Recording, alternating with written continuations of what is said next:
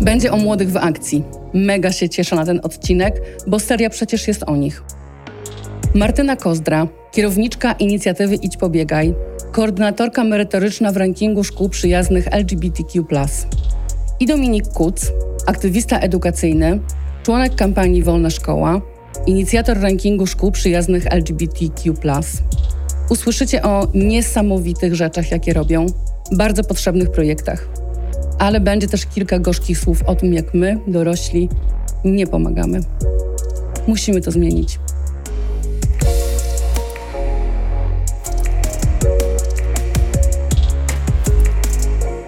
Skąd się wzięło Idź Pobiegaj? Idź Pobiegaj, czyli inicjatywa psychoedukacyjna, którą zainicjowałam razem z moją przyjaciółką w tym momencie już trzy lata temu, bo zaczęłyśmy w styczniu 2020 roku. Wzięła się z tego, że widziałyśmy w swoim otoczeniu wiele problemów właśnie osób w naszym wtedy wieku, bo wtedy byłyśmy w drugiej klasie liceum, byłyśmy tak naprawdę chwilę przed skończeniem pełnoletności. I wtedy widziałyśmy, że w naszym otoczeniu, w dobrych szkołach trójmiejskich, wiele młodych osób boryka się z różnego typu problemami. I to nie musiały być jakieś takie na pierwszy rzut oka ogromne problemy, bo to mogły być na przykład konflikty z rodzicami, problemy w pierwszych miłościach, czy zaburzona relacja z jedzeniem, która często na pierwszy rzut oka nie wydaje się takim dużym problemem, dopiero kiedy ktoś się do tego przyzna albo wejdzie się w to głębiej. Natomiast w naszym otoczeniu naprawdę takich osób było sporo. I w momencie, kiedy zastanawiałyśmy się właśnie, co ciekawego można zrobić, będąc właśnie w liceum, stwierdziłyśmy, że zdrowie psychiczne to jest temat, którym chciałobyśmy się zająć. Dlatego postanowiłyśmy zrobić projekt w tym temacie, projekt edukacyjny, reklamę społeczną w internecie, ale chciałyśmy zrobić to też w taki sposób przystępny dla naszych rówieśników. Bo to był czas chwilę przed wybuchem pandemii, kiedy jeszcze wszyscy żyliśmy w tym starym świecie i nie wiedzieliśmy, co zaraz nastąpi i że wszystko zostanie wywrócone do góry nogami. Natomiast wtedy brakowało bardzo inicjatyw psychoedukacyjnych, czy w ogóle takich treści, takich miejsc, też jak podcast Przyjaciółka Depresja. Wtedy jeszcze niczego takiego tak naprawdę nie było w polskim internecie. Jeśli już się pojawiały właśnie treści o zdrowiu psychicznym, to były takie treści bardzo konkretne, czasem bardzo medyczne, albo takie treści w drugą stronę bardzo potoczne. I raczej to były treści kierowane albo do osób dorosłych, albo na przykład do rodziców, jeśli już miało to jakoś związek z dziećmi czy nastolatkami. I brakowało takiej przestrzeni, w której po prostu młodzi mówiliby dla młodych.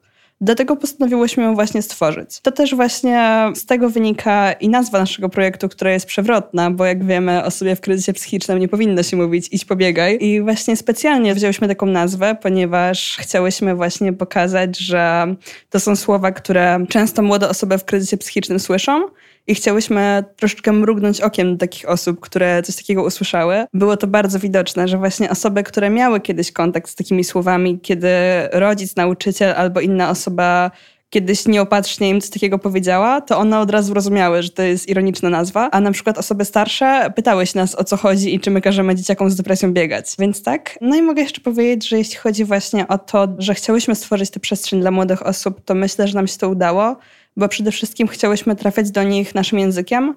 Ja akurat jestem taką osobą z dużym zacięciem edukacyjnym i też z takim dużym opieraniem się na danych naukowych, więc tutaj później osoby, które do nas dołączyły w kolejnych edycjach projektu trochę mnie z tym hamowały, bo ja czasami wręcz zarzucam jakimiś danymi i tak dalej i to może nie jest najbardziej dopasowany język do e, licealistów, natomiast to jakoś właśnie szło w ten sposób, że takie merytoryczne informacje, wyniki badań naukowych i tak dalej przykładałyśmy na język młodzieży, i przede wszystkim też dodawaliśmy do tego memy, czyli coś, co wszyscy lubią, jeśli chodzi o pokolenie Z i późnych milenialsów, żeby właśnie to było interesujące dla młodych. I jestem bardzo szczęśliwa, że ten projekt powstał właśnie w tamtym momencie, na chwilę przed wybuchem pandemii, bo byliśmy jedną z pierwszych takich inicjatyw właśnie w tej internetowej bańce, które faktycznie trafiały do osób w wieku licealnym czy wczesnostudenckim. Zaraz cię popytam o historię, ale zanim to, to jeszcze popytam też mojego drugiego gościa, Dominika. Skąd się wzięła twoja chęć do aktywizmu? Fundacja Growspace też powstała w podobnym okresie, bo my zarejestrowaliśmy się formalnie 13 marca 2020 roku,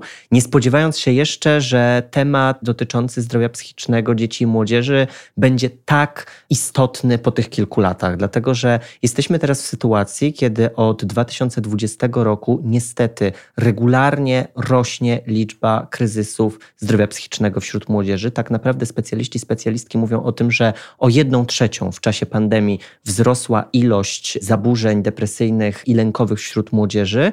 Dodatkowo młodzi ludzie w czasie swojej izolacji mówili wprost o tym, że tracą relacje międzyludzkie, że pomimo tego używania telefonów, o które oskarżało nas starsze pokolenie, ta osoba przyjaciół, osoby przyjacielskie w szkołach, te przyjaźnie nadal były aktualne. Dopiero one się zerwały w czasie pierwszego lockdownu, więc izolacja pogłębiła kryzysy zdrowia psychicznego, ale niestety pogłębiła też te najgorsze statystyki, czyli te dotyczące kryzysów suicydalnych dzieci i młodzieży, dlatego że w tej chwili samobójstwo jest niestety po pierwsze drugą przyczyną zgonów wśród osób poniżej 18 roku życia.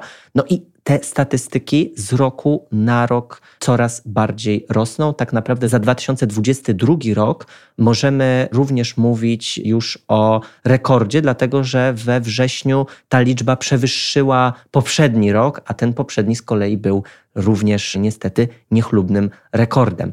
Ja uważam, że to nasze pokolenie przełamuje stereotyp powoli, natomiast to wymaga również działań ze strony i władz centralnych, i władz samorządowych. W tym roku, 2023 rok, jest Europejskim Rokiem Zdrowia Psychicznego. W Warszawie 10 października powstał m.in. sojusz, lokalny sojusz przeciwko depresji, dlatego że to jest jedno z rozwiązań, które promuje Komisja Europejska i to są rozwiązania, które nawet w poszczególnych szkołach, w poszczególnych miastach, przez poszczególne samorządy powinny być implementowane. My w tym roku z Komisją Europejską ruszamy w trasę po miastach zachodniej Polski, z młodzieżowymi sieciami bezpieczeństwa, czyli inicjatywą psychoedukacyjną, podczas której będziemy mówić o zdrowiu psychicznym, równości, wartościach Unii Europejskiej, przeciwdziałaniu przemocy w szkole i stereotypom związanym ze zdrowiem psychicznym w takich miastach Polski jak Gorzów Wielkopolski, jak Kalisz, jak Koszalin, Szczecin, Zielona Góra, Dąbrowa Górnicza,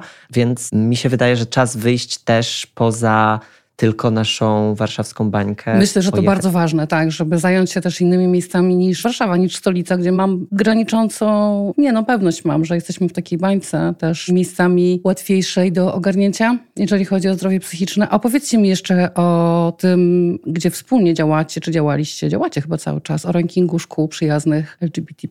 Tutaj Dominik kiwa mi głową, ale to właściwie Dominik jako inicjator tego wszystkiego, tego całego zamieszania powinien się wypowiadać. No ja mogę opowiedzieć kilka słów o tym właśnie, dlaczego ja w ogóle trafiłam do rankingu i tutaj jak to się odbywa i co właśnie planujemy, na przykład na najbliższą edycję ponieważ dla nas właśnie w rankingu szkół przyjaznych LGBTQ+, bardzo ważne jest to, żeby docierać właśnie do wielu miejsc w Polsce i do tego, żeby każda osoba uczniowska mogła wybrać bezpieczną przestrzeń dla siebie. Bezpieczną przestrzeń właśnie w szkole ponadpodstawowej, bo tutaj to jest bardzo jasne i myślę, że nawet nie trzeba przytaczyć jakichś danych naukowych, żeby wiedzieć o tym, że właśnie akceptujące środowisko szkolne, środowisko szkolne, w którym przeciwdziała się dyskryminacji, w którym na różne przejawy przemocy reaguje grono pedagogiczne, to jest jeden z elementów właśnie i prewencji, i też pomocy właśnie, czy to w kryzysach, ale też nawet po prostu w tym, że jak nastolatkowie funkcjonują, bo jak to się śmiali niektórzy moi profesorowie, jak byłam na Uniwersytecie Medycznym w poprzednim roku akademickim, okres nastoletni to już jest prawie że choroba. I to jest bardzo takie oczywiście żartobliwe, natomiast to jest tak, że niestety właśnie w tym okresie nastoletnim jest bardzo, bardzo duża przestrzeń na to, żeby niestety się różne nieciekawe, trudne emocje pojawiały. I dlatego właśnie uważam, że to, co robimy w rankingu, to co Dominik właśnie zaczął kilka lat temu w Warszawie i co rozlało się na całą Polskę,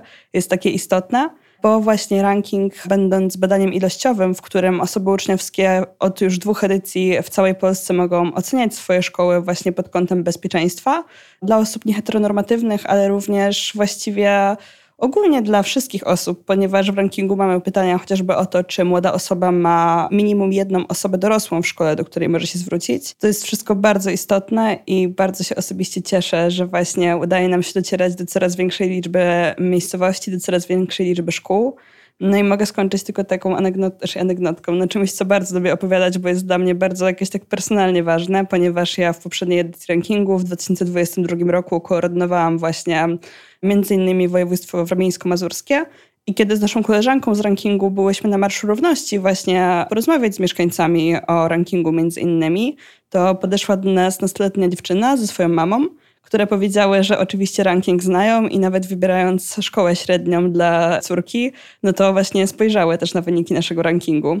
I to było dla nas takie bardzo budujące, bo to właśnie pokazuje, że faktycznie jest tak, że dzieciaki i rodzice korzystają z tego i szukają bezpiecznych przestrzeni. Mruga w międzyczasie do Dominika, przypominając sobie naszą wspólną rozmowę sprzed kilku miesięcy już teraz chyba, gdzie też się podzieliłam z Dominikiem, że w moim domu to też było bardzo ważne kryterium, zwyczajnie po prostu wyboru szkoły szkoły średniej. A czym dla ciebie jest dzisiaj Dominik?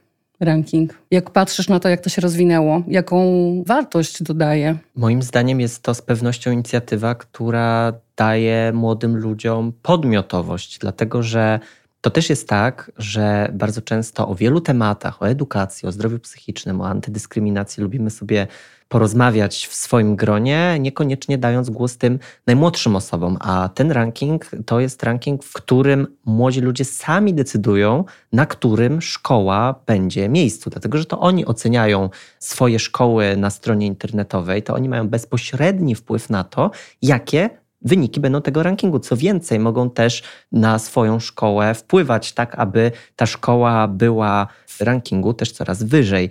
I dla mnie, poza takimi historiami, o których mówiłyście przed chwilą, jeszcze jeden wymiar, ten instytucjonalny, o którym zawsze opowiadam, jest najważniejszy. Po pięciu latach, tak naprawdę, bo teraz będziemy mieć piątą edycję, przeprowadzania tego samego badania, tego samego rankingu co roku, po pierwsze, szkoły zaakceptowały, że może być to dla kogoś kryterium, że to nie tylko chodzi o to, żeby być wysoko w rankingu perspektyw i jakby traktować szkołę średnią jako kurs do matury, ale też kwestie związane z bezpieczeństwem w szkole, z przeciwdziałaniem przemocy, z szeroko pojętą akceptacją, czy właśnie już specyficznie społecznością LGBTQ, są po prostu bardzo istotne, dlatego że po pierwsze, podobnie tak jak w miejscu pracy, gdzie wiemy o tym, że bezpieczne miejsce pracy sprawia, że nasza efektywność wzrasta, wzrasta o 30%, to i bezpieczne miejsce nauki sprawia, że będziemy się po prostu uczyć lepiej. Z drugiej strony, jeżeli szkoła jest otwarta na społeczność LGBTQ, to z dużą dozą prawdopodobieństwa można stwierdzić, że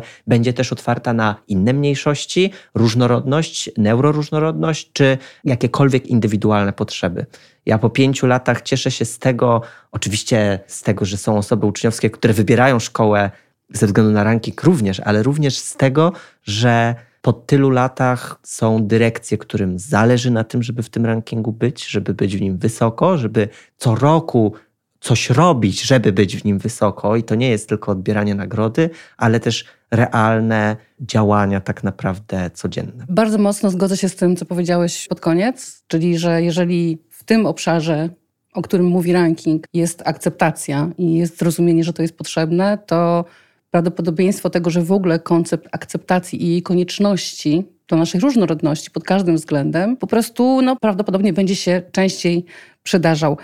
Martyna, jak patrzysz na Idź Pobiegaj te kilka lat temu i dzisiaj, to jest coś, z czego jesteś wyjątkowo dumna albo coś Cię zaskoczyło, jak to się rozwija? Jestem na pewno dumna z tego, że w 2021 roku, właściwie po półtora roku naszej działalności, udało nam się wyjść poza bańkę internetową i wydać własny poradnik dla młodzieży, który opowiada właśnie o tym, jak poszukiwać pomocy w kryzysie psychicznym i jak porozmawiać z rodzicami, co jest bardzo istotne, bo jak doskonale wiemy, w naszym kraju osoba poniżej 18 roku życia nie może się zwrócić o pomoc psychologiczną, czy tym bardziej psychiatryczną, bez zgody rodzica, bez udziału rodzica w tym procesie. Oczywiście może pójść do psychologa szkolnego, ale to też jest troszeczkę inny temat, tak naprawdę, niż na przykład interwencja kryzysowa, bo psycholog szkolny takiej po prostu nie przeprowadzi, bo nie ma do tego uprawnień.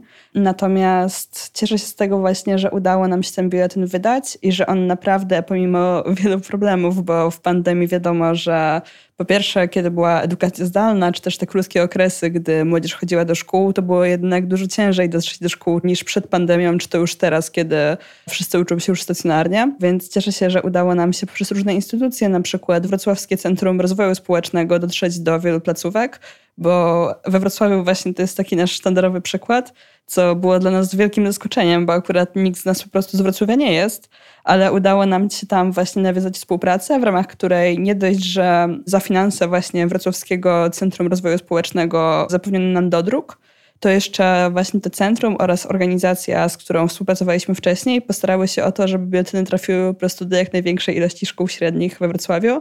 I to było dla nas po prostu ogromnym sukcesem i ogromną radością więc mogę powiedzieć na pewno o tym, ale mogę też powiedzieć na pewno o sytuacji, która miała miejsce w tym roku w maju, kiedy razem z Pauliną Matuszewską, czyli tak naprawdę drugą kierowniczką właśnie główną naszego projektu, przemawiałyśmy na finale Zwolnionych z Teorii, ponieważ nasz projekt właśnie wykiełkował w Zwolnionych z Teorii i mimo, że skończyłyśmy go w Zwolnionych już wcześniej, to jeszcze przez właśnie pewne przesunięcia zaliczyłyśmy się do edycji w 2022 roku i brałyśmy udział w konkursie Peer Contest, czyli konkursie właśnie na najlepsze przedstawienie projektu społecznego.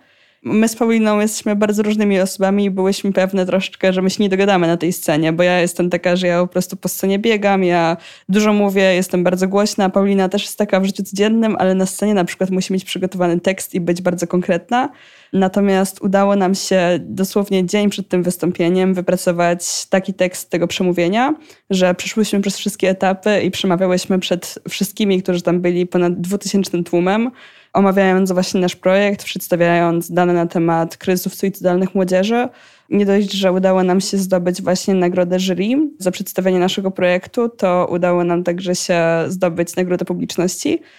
I to było dla nas ważne nie dlatego, że dostałyśmy tę nagrodę, bo to oczywiście jest bardzo miłe, ale to nie jest takie istotne. To było dla nas istotne dlatego, że po prostu widziałyśmy, jak ci wszyscy ludzie, właśnie głównie w wieku szkoły średniej, bo finaliści olimpiady zwolnieni z teorii właśnie w wieku szkoły średniej najczęściej są, naprawdę byli tym zainteresowani, naprawdę słuchali, a także na przykład podchodzili do nas, nieważne czy nas znali wcześniej czy nie, i mówili, że to jest po prostu istotne i to jest fajne. I to mi bardzo pokazało, że to, co robimy, to, co robiłyśmy właśnie z biuletynem, to już półtora roku temu właściwie, jest ważne i że naprawdę do młodzieży trafia. Czy to jest tak, że młodzież, wasze pokolenie rozmawia ze sobą o zdrowiu psychicznym w swobodny sposób, czy to jest nadal jakiś temat tabu? Bo w moim pokoleniu, dużo starszym od was, wiecie, to naprawdę jakby nie było w ogóle takich tematów, ale też nie było ich w przestrzeni publicznej, nie było też takiej przestrzeni publicznej w czasie, kiedy ja byłam nastolatką bardzo dawno temu. Nie było. Natomiast dzisiaj mam wrażenie, że wasze pokolenia podejmują ten temat bardzo świadomie i bardzo odważnie, z czego ja się bardzo cieszę. Jak to jest? To jest tak, taki normalny temat do pogadania, czy niekoniecznie? Ja jestem przekonany, że pokolenie Z traktuje wizytę, konsultację psychologiczną tak jak wizytę u internisty, czyli jeżeli masz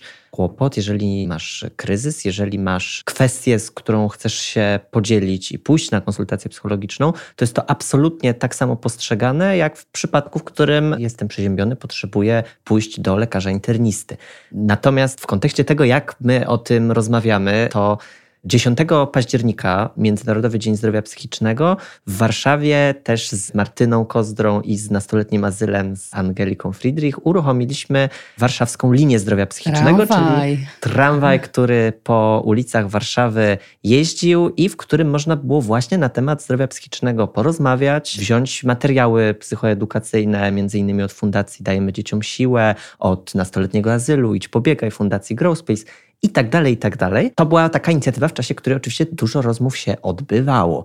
W związku z tym faktycznie bardzo dużo młodych osób, które do nas przychodziły i nie miały problemu z tym, żeby rozmawiać, żeby powiedzieć to, czego potrzebują, czy potrzebują dowiedzieć się, gdzie szukać pomocy w naszym mieście, a takie informatory też mieliśmy, czy potrzebują doedukować się w jednej konkretnej sferze. Natomiast niestety zdarzało się też tak, że tramwaj podjeżdżał na przystanek i osoby, które widziały, nie osoby z naszego pokolenia, tylko właśnie osoby z pokolenia Boomersi. boomersów, pokolenia Xów, potrafiły powiedzieć, że jedzie przez Warszawę tramwaj wariatów. Słyszałam, niestety na własne uszy słyszałam takie komentarze. Tak, to bardzo przykre, mogę za boomersów i za wszystkich w ogóle mówiących tak bardzo wstrętnie. Ale jeżeli mogę dodać No jeszcze jedną rzecz, to pomimo tego, żeby nie pozostawać tylko w takiej narracji, faktycznie mam wrażenie, że pokolenie Z też z tym tematem po pierwsze przebija się do mainstreamu, dlatego że to jest pokolenie, które przełamuje pewne stereotypy, ale robi to też w sposób autentyczny. To znaczy, to nie jest tak, że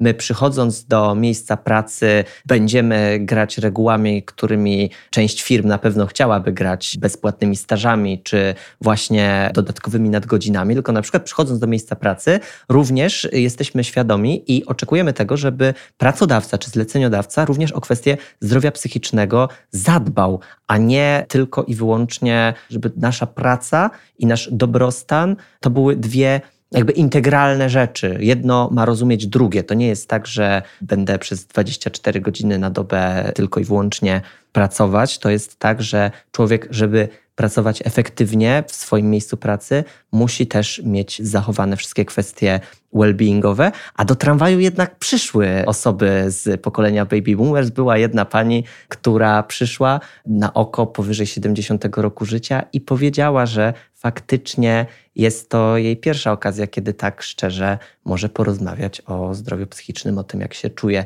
Siedziała w tym tramwaju chyba z półtorej godziny. Fantastycznie. To dobry znak. Chciałoby się, żeby było więcej. Powiedziałeś o miejscu pracy i o tym, jak wasze pokolenie myśli o miejscu pracy. Czy to, że dany pracodawca zajmuje się albo nie zajmuje się, albo mówi głośno o w ogóle właśnie o dobrostanie pracownika, o tym, że to jakby człowiek jest no, zintegrowany ze sobą samym, najczęściej jednak, jeżeli no, po prostu jest zintegrowany, tak, jest jedną osobą z psychiką, fizycznością swoją i swoją linią życiową. To ma dla Was znaczenie, czy to nie jest istotne? Szukając pracy, stażu, czegokolwiek, szukacie tych informacji o potencjalnym pracodawcy, czy nie szukacie? Jeśli mogę, to właśnie odpowiem oczywiście na Twoje pytanie, mhm. ale też w tej wypowiedzi troszeczkę się wrócę do poprzedniego, o to, jak nasze pokolenie w ogóle podchodzi do tematu zdrowia psychicznego. Bo jeśli chodzi o to, czy ludzie właśnie zwracają na to uwagę, to na pewno. Natomiast to jest bardzo duży przywilej to jest przywilej młodych osób, które właśnie są w bańce dużych miast, głównie tak naprawdę Warszawy, albo które pracują w branżach, które zwracają na to większą uwagę, czyli które na przykład mimo młodego wieku dostały się na przykład na jakiś fajny staż w na przykład dużej międzynarodowej firmie, w korpo, które po prostu chociażby ma rozwinięty dział Diversity and Inclusion, Natomiast to jest zdecydowana mniejszość osób i właśnie ja zawsze myślę o tym, że warto jednak wychodzić poza taką bańkę, gdzie młodzi ludzie częściej jednak niż właśnie w dużym międzynarodowym korpo to pracują na przykład w gastronomii, czy na przykład w hotelach na recepcji, gdzie no po prostu takich tematów nie ma, bo nie ma na to jakkolwiek przestrzeni. Wydaje mi się, że oczywiście nasze pokolenie z pewnością jest bardziej świadome, bo w momencie, kiedy jednak po pierwsze ogólnie się mówi o tym więcej, po drugie w momencie, kiedy bardzo dużo młodych osób po prostu spotyka się z tematem kryzysów psychicznych, czy nawet kryzysów suicydalnych na co dzień, no to ciężko, żeby po prostu tej świadomości zwiększającej się nie było. Natomiast niestety nie zgadzam się tutaj z Dominikiem z tym, że dla naszego pokolenia już jest tak, że wizyta u psychologa jest jak wizyta u internisty bo myślę, że to wciąż jest kwestia w dużej mierze naszej bańki. I dla naszych znajomych może tak być, ale myślę, że jednak dla młodych osób, chociażby w mniejszych miejscowościach, na przykład w województwie lubelskim, na Podkarpaciu, czy nawet kurczę w Trójmieście, na, czy w Trójmieście to wciąż znam takie przypadki. Załóżmy, że jednak tutaj mniej, natomiast nawet u nas w Pomorskim jest na przykład tak, że w małej koszubskiej szkole raczej wizyta u psychologa wciąż będzie bardzo stygmatyzowana. Myślę, że warto o tym pamiętać, bo na pewno polepsza się ogólnie świadomość i to zarówno w kwestii sięgania po pomoc psychologiczną, jak i w kwestii właśnie chociażby szukania miejsca pracy, które jest bezpieczne, które jest włączające. Natomiast to jest wciąż coś, co dotyczy niewielkiej części osób tak naprawdę i to jest bardzo ważne moim zdaniem, żeby jednak o tym pamiętać.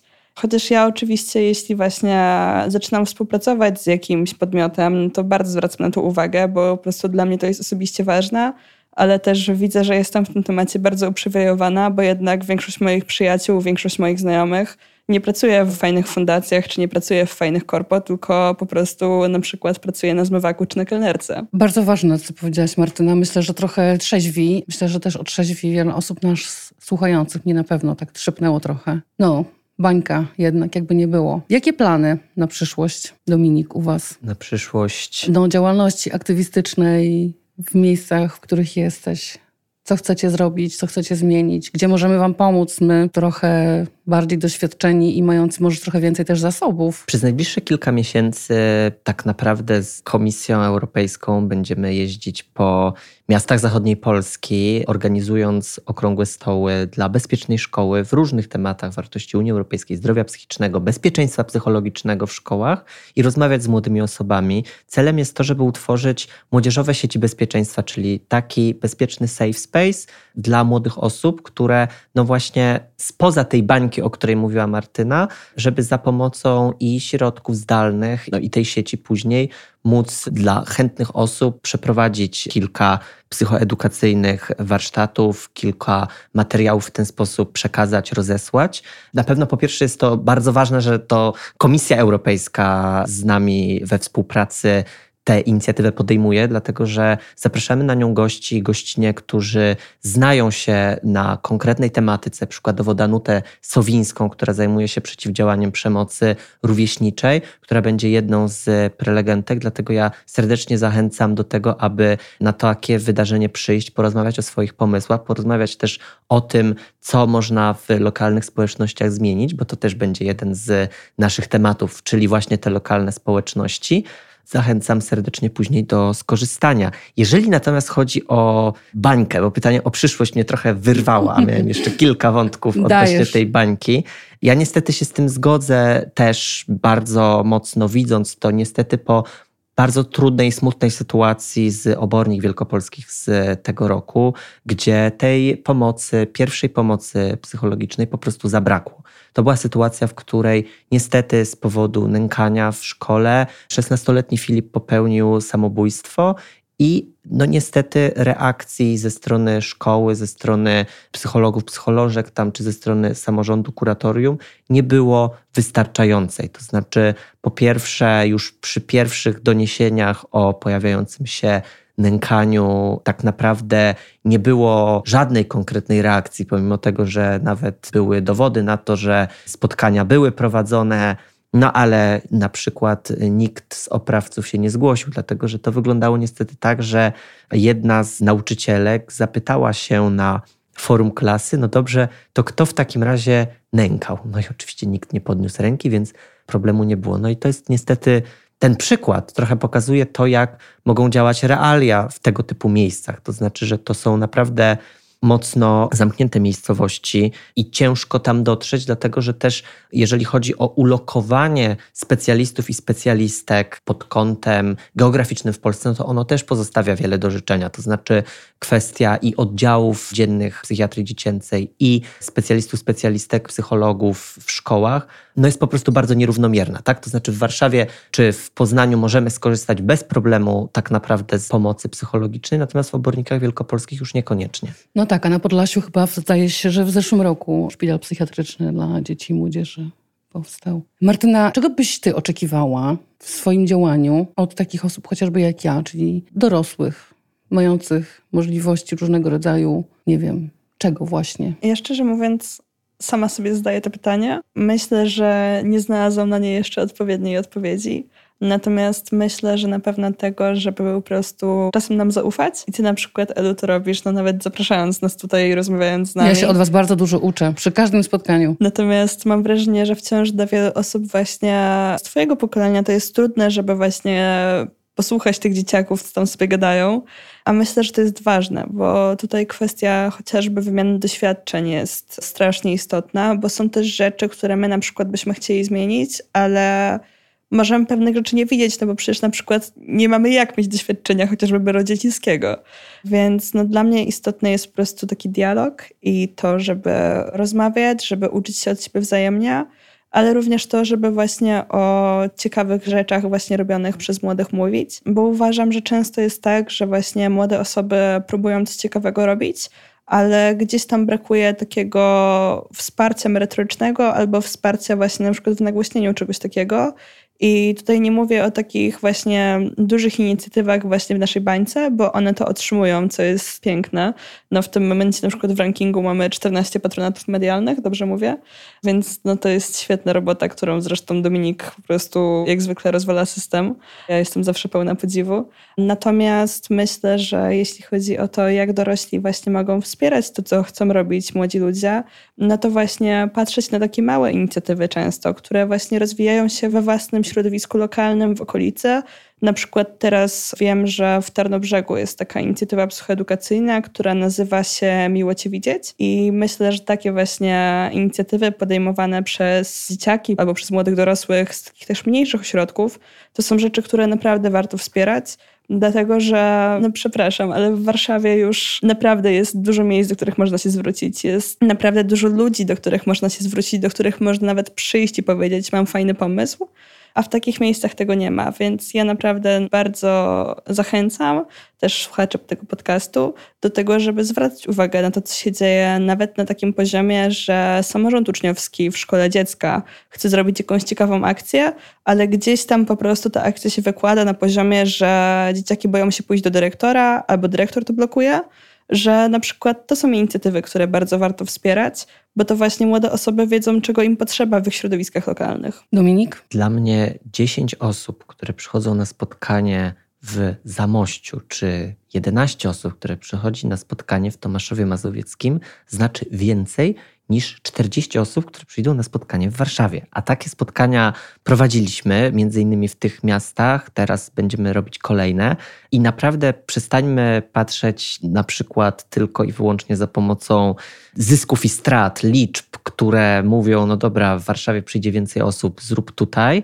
Nie. Dla mnie właśnie to, że 11 osób z różnych szkół, a tych szkół jest niewiele w Tomaszowie Mazowieckim, że 15 osób w Zamościu, które też są tam zupełnie na co dzień, przychodzą z nami rozmawiać, przychodzą czegoś się dowiedzieć i zostają w tej społeczności lokalnej, znaczy dużo więcej niż 40 osób, które przyjdą na spotkanie pomiędzy innymi wszystkimi swoimi spotkaniami i innymi rzeczami. To jest piękne, kiedy później te osoby tam zostają i widać, że te inicjatywy z nimi po prostu zostają. To znaczy w takim sensie, że pamiętają o nas, że później są bardzo chętne do dalszego kontaktu, do dalszych warsztatów oraz też zmieniają tę społeczność lokalną. Więc przestańmy patrzeć tylko na liczby, wyniki i nakładać taką presję na siebie, która też w projektach społecznych często jest. Jeżeli jest organizacja, która zmienia coś lokalnie i zostaje tylko tam i zmienia lokalne środowisko w Tarnobrzegu, w Dąbrowie Górniczej, w Zamościu,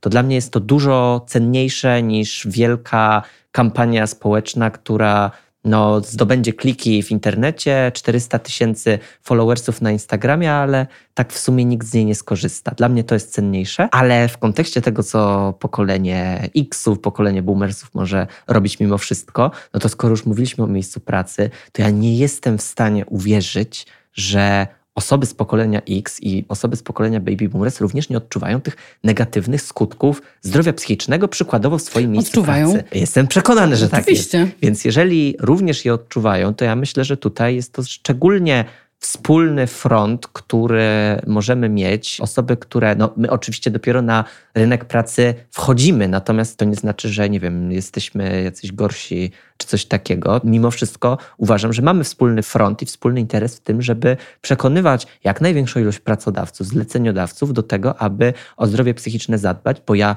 Oczywiście zgadzam się, że w niektórych środowiskach, tak jak mówiła Martyna, w przypadku takich prac w cudzysłowie dorywczych jest to bardzo trudne. I nasze pokolenie, pomimo dobrych intencji, może się spotkać z jakimś murem, bo tak ta praca wygląda, bo nie wiem, będzie tłumaczenie się z tego, że no taka przecież tutaj jest specyfika, tak tutaj było od 30-40 lat, ale to przecież żaden argument, tylko że jakby in the end to nie jest tylko i wyłącznie nasza odpowiedzialność, żeby o to zadbać, ale też odpowiedzialność właśnie tych osób, które na przykład tą restaurację prowadzą, które na przykład w tym hotelu zajmują się koordynacją całej pracy, recepcji, żeby pomyśleć o tym, że ta młoda osoba, która przychodzi do nich do pracy, no to ona odejdzie za rok, za półtora, jeżeli nie będzie się w tym miejscu po prostu dobrze czuć, dlatego że no, nikt nie będzie takim przypadku później zostawać w miejscu pracy, które jeszcze źle wpływa na nasze zdrowie psychiczne. Ja myślę, że to jest coś, do czego starsze pokolenia mogłyby się przekonać, ale nie tylko przekonać, ale też podjąć działania, żeby zmieniać to u siebie, przekonywać innych. I ja wiem, że to jest praca oczywiście oddolna i bardzo ciężka, ale wierzę, że za 10-20 lat jesteśmy w stanie naprawdę znaleźć się w innym miejscu i popatrzeć wtedy, że jednak coś się zmienia. Mam taką nadzieję.